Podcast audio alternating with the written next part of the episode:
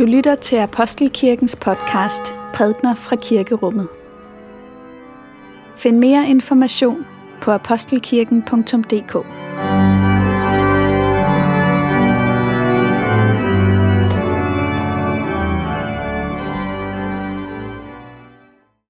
Lad os lytte sammen til salme 23. Herren er min hyrde, jeg lider ingen nød. Han lader mig ligge i grønne enge. Han leder mig til det stille vand. Ja, han giver mig kraft på ny. Selvom jeg går i mørkets dal, frygter jeg intet ondt, for du er hos mig. Din stok og din stav er min trøst.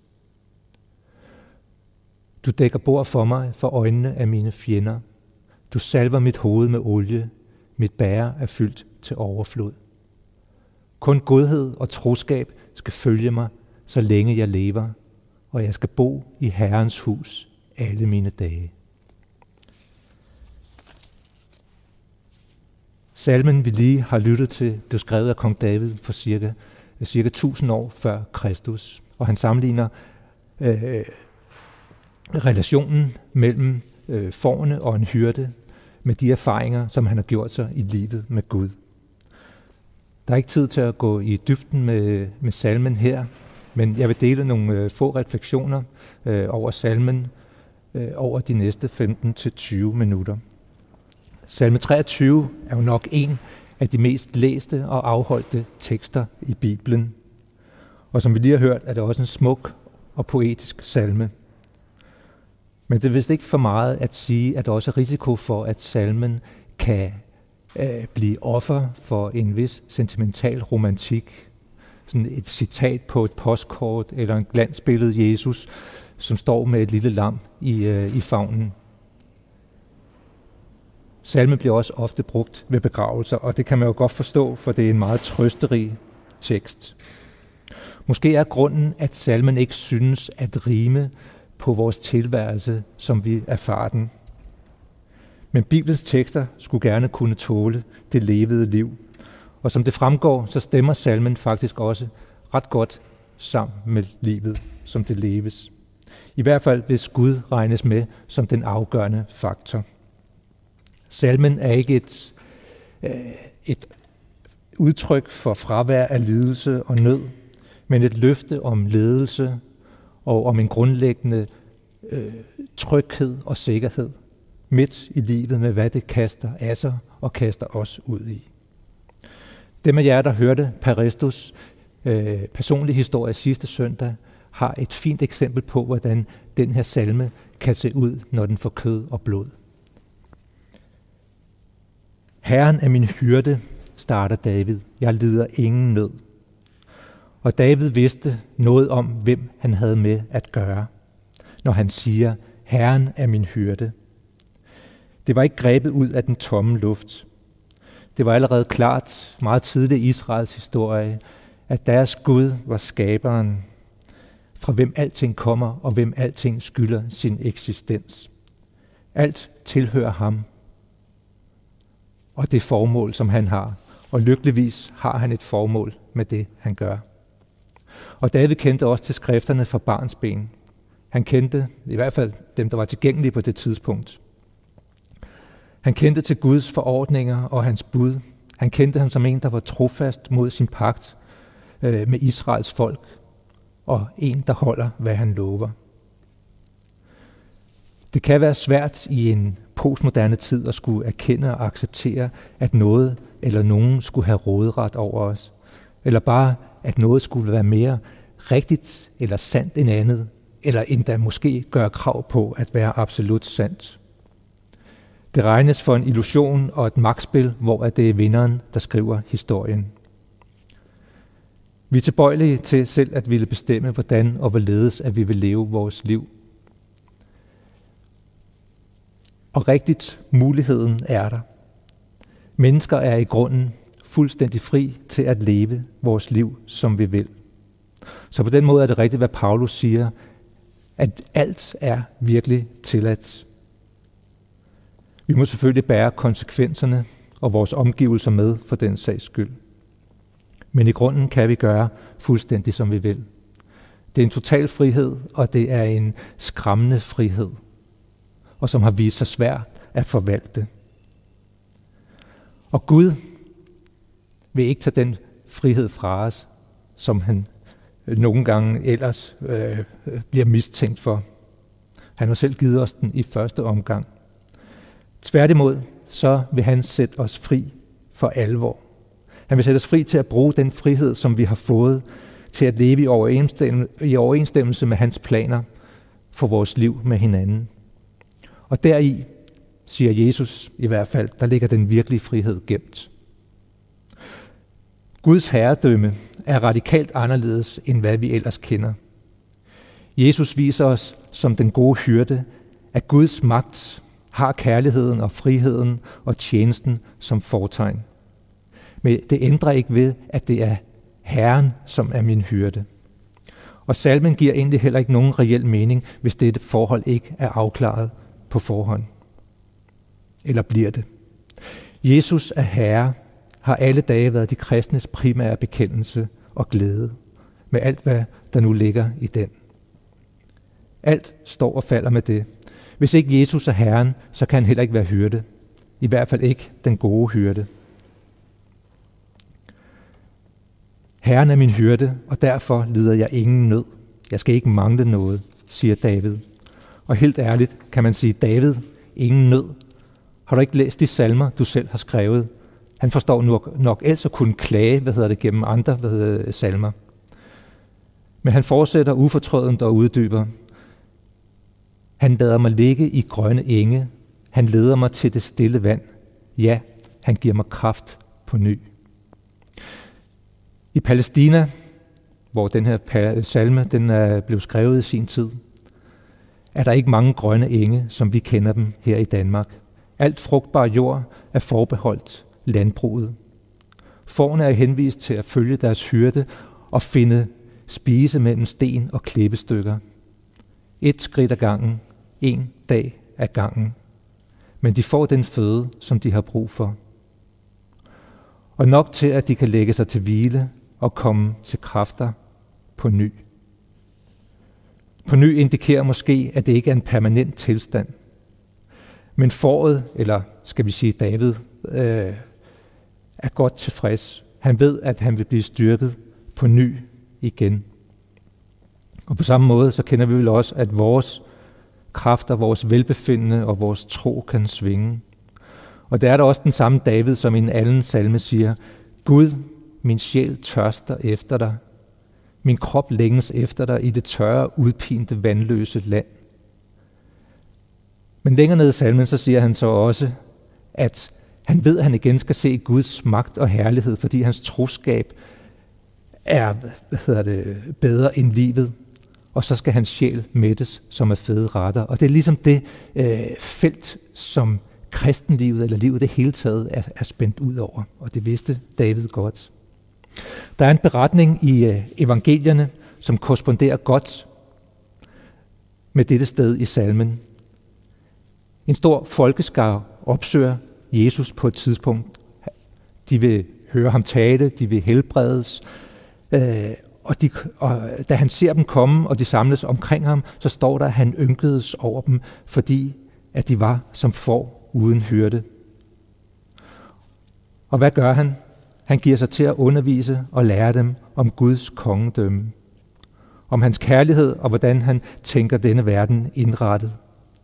Og han blev ved med at tale lige til spisetid, og det viser sig, at den her store flok af mennesker, en flere tusind mennesker, har glemt madpakken. Og Jesus selv og hans disciple har kun et par brød og et par fisk, som jo langt fra er nok til alle. Jesus får folk til at sætte sig i det grønne græs, og Johannes evangeliet tilføjer frejdigt, at der var meget græs på det sted. Og så mætter Jesus hele den her store skare med de få brød og de få fisk. Det er selvfølgelig en tekst med, med, med flere lag, ikke mindst et diakonalt, som det kunne være interessant at udfolde på et andet tidspunkt. Men der er også en tydelig henvisning til det her sted i salme 23. Du lader mig ligge i grønne enge. At hans ord, hans ånd, hans tilstedeværelse er det, som kan stille vores endelige og dybeste behov. Og det er også først og fremmest ved ordet og ånden, at han leder os af rette stier. For som David fortsætter, han leder mig af rette stier for sit navns skyld. Gud ønsker altså at være vores guide på vores vandring gennem livet. Og på en måde kan man godt sige, at det i høj grad er vores valg, som er med til at forme vores liv, ligesom andre bliver påvirket af vores valg, og vi af deres. Vi har aldrig med et andet menneskes liv at gøre, uden, med et andet menneske at gøre, uden at vi holder noget af dets liv i vores hænder, siger Løstrup et sted. Øh, Luther King siger også, at vi alle er fanget i et uundslippeligt netværk af fællesskab. Og det er sådan, det er.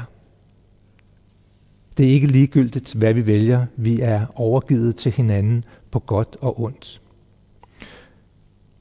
Som sagt, så arbejder jeg til daglig i, øh, i Café Exit og ser, hvordan at egne, men også andres valg kan være med til at bestemme, hvordan en tilværelse tager sig ud. Og også den forskel på muligheder for at vælge hensigtsmæssigt, man finder hos folk med forskellige bagage. Livet er en kompleks og øh, uengennemskuelig øh, ting. Vi kan ikke gennemskue den, andre kan ikke gennemskue det. Men vi, vi må tro på, at Gud, som kender os og som gennemskuer os, altid er klar til at hjælpe os med at træffe sunde og modne valg, som fremmer hans skaberdrømme. Vi må øve os og hjælpe hinanden i at lytte efter den gode hyrde stemme, hvor end den kommer fra. Og så fortsætter David, at han leder mig af rette veje for sit navns skyld. Mærkeligt nok så er det her for, for sit navns skyld udladt i den nye 2020-bibel. Mærkeligt, fordi at navnet som begreb i de bibelske tekster er lastet med stor betydning. Der er en overensstemmelse mellem Guds navn og Gud selv. I fadervor er den første bøn om, at Guds navn må blive helliget, at det må blive æret, og når vi beder, så beder vi i Jesu navn. Altså er der en identitetslighed mellem navn og person. Og et barn, der kalder på sin mor, er vel jævnt ligeglad med, hvad hun hedder, men ikke hvem hun er, hvad hun vil og hvad hun gør. Jeg tror, der kan ligge i hvert fald to betydninger i for sit navns skyld. Det er et tema gennem hele Bibelen, at Gud kendes på sit folk. At Jesus vil kendes i verden gennem sin kirke. Han vil, at kirken skal reflektere et realt billede af, hvem Gud er. Ikke fordi han er ærekær eller forfængelig. Han er trods alt Gud og ikke et menneske. Men fordi at verdens tilstand og den menneskelige tilværelse ligger ham inderligt på siden. Og kirken, altså de kristne, bliver kaldt kristi læme, og som sådan agerer vi sammen med ham og på hans vegne i verden. Kristendom er selvfølgelig Kristus selv, men oftest er det gennem kirken, at folk først kommer i kontakt med ham på godt og ondt. De troende er sat til at afspejle Guds kærlighed, hvad enten vi ved det eller ej, eller vil det eller ej. Og det er helt, som det skal være med det. Der er et ordsprog, der hedder, vis mig dine venner, og jeg skal sige dig, hvem du er. Man kan også sige, vis mig dine får, og jeg skal sige dig, hvem du er som hyrde. Godt for os er en del af opgaven også er at spejle Guds tilgivelse og tålmodighed med os. Man kan blive voldsomt anfægtet af at høre om mange af de ting, som sker i kirken og ud fra kirken. Og der er vel også mange, der er blevet skræmt væk på den konto. Men jeg kender også flere, der er kommet til at, øh, til at tro på Gud ved at høre, se eller opleve kirkens eller bare en enkelt kristens måde at være til i verden på. For eksempel i Danmark er det stort set alt socialt arbejde startede på kirkens grund. Og det overrasker mange, når de hører det.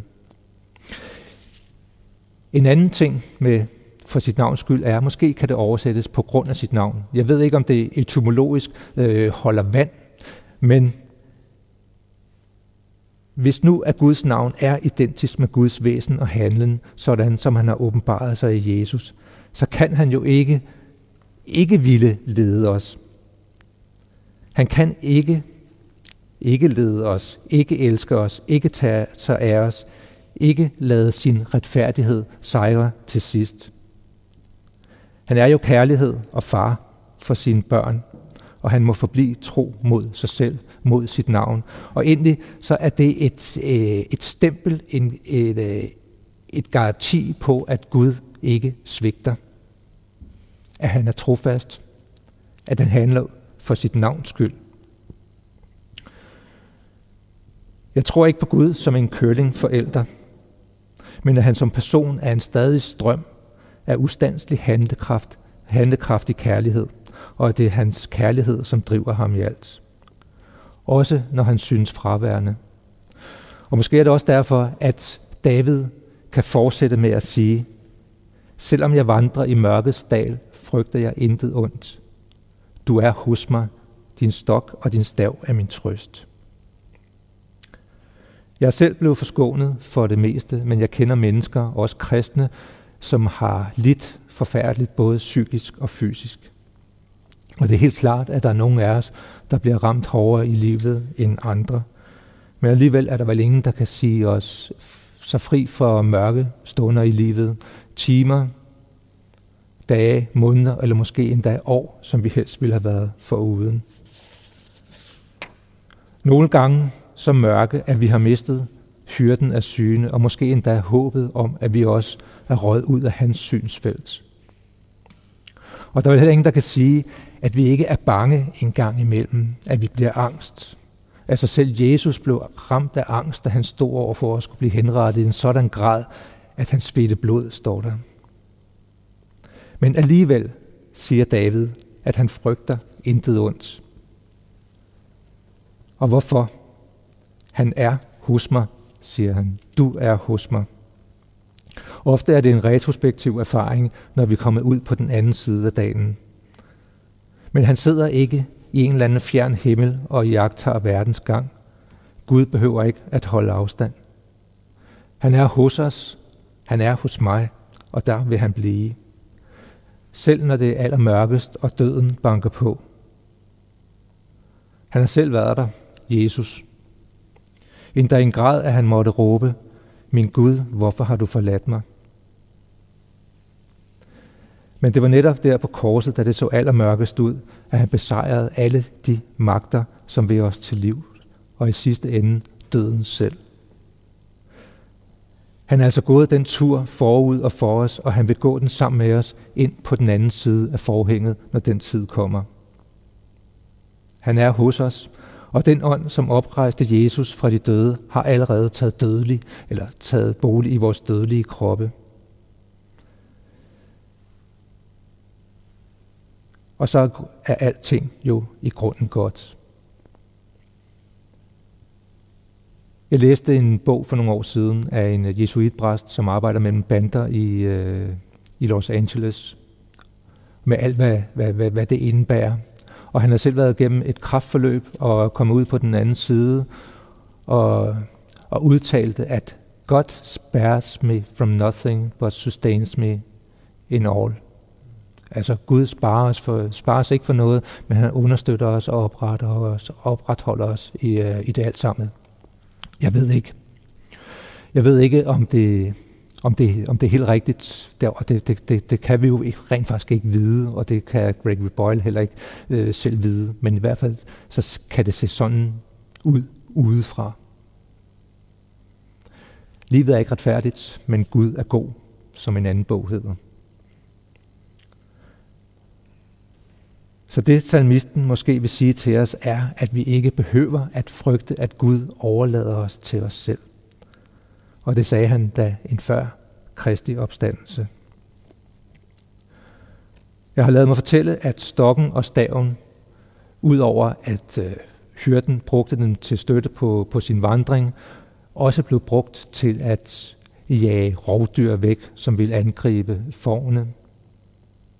Og til at hente dem ind og rette dem lidt ind, når de var på, på afveje.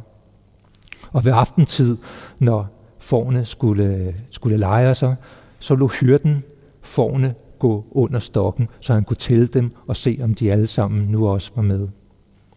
Før covid-19, når man sad i det offentlige, i bussen eller toget, i sine egne tanker, så, så kunne man opleve, at lige pludselig kommer der sådan en, en børnehave bravende ind, hulter til bulter, og med pædagogerne, hvad hedder det, haltende bagefter, sådan let og panisk øh, udtryk, eller i hvert fald opmærksomt udtryk i, i ansigtet. Og det første, de gør, når de kommer ind, det er at begynde at tælle børnene, for at se, om de er med.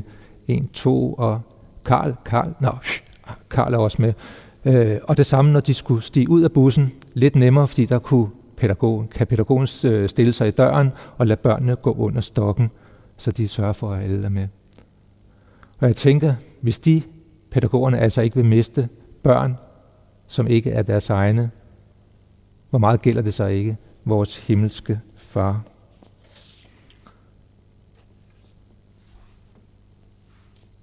Gud er ikke kun hos os, men vi er også hos ham.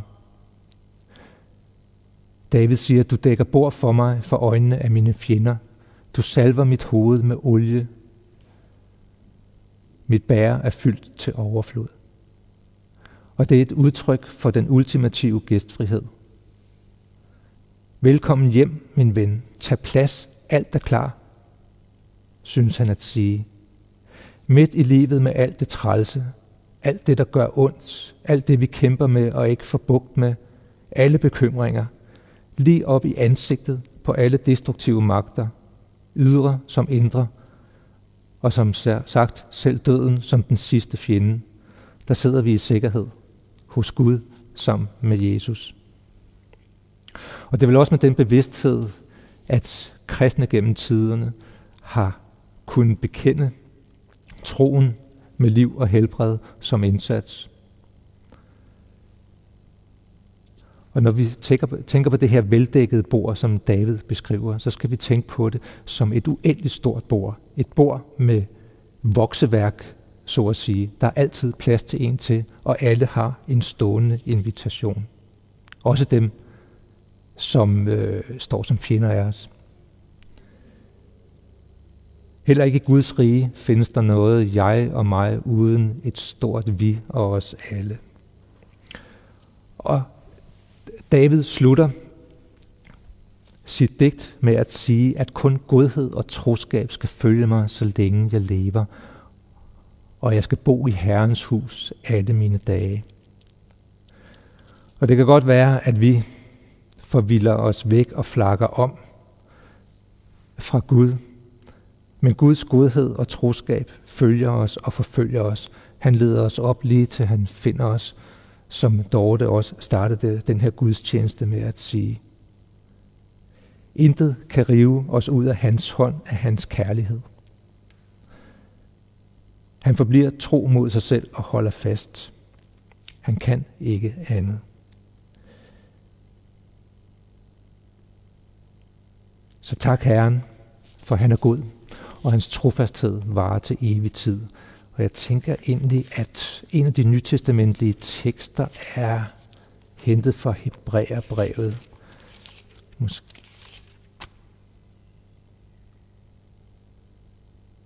Og lad os bede den tekst sammen som en afslutning. Det er orden. Ja.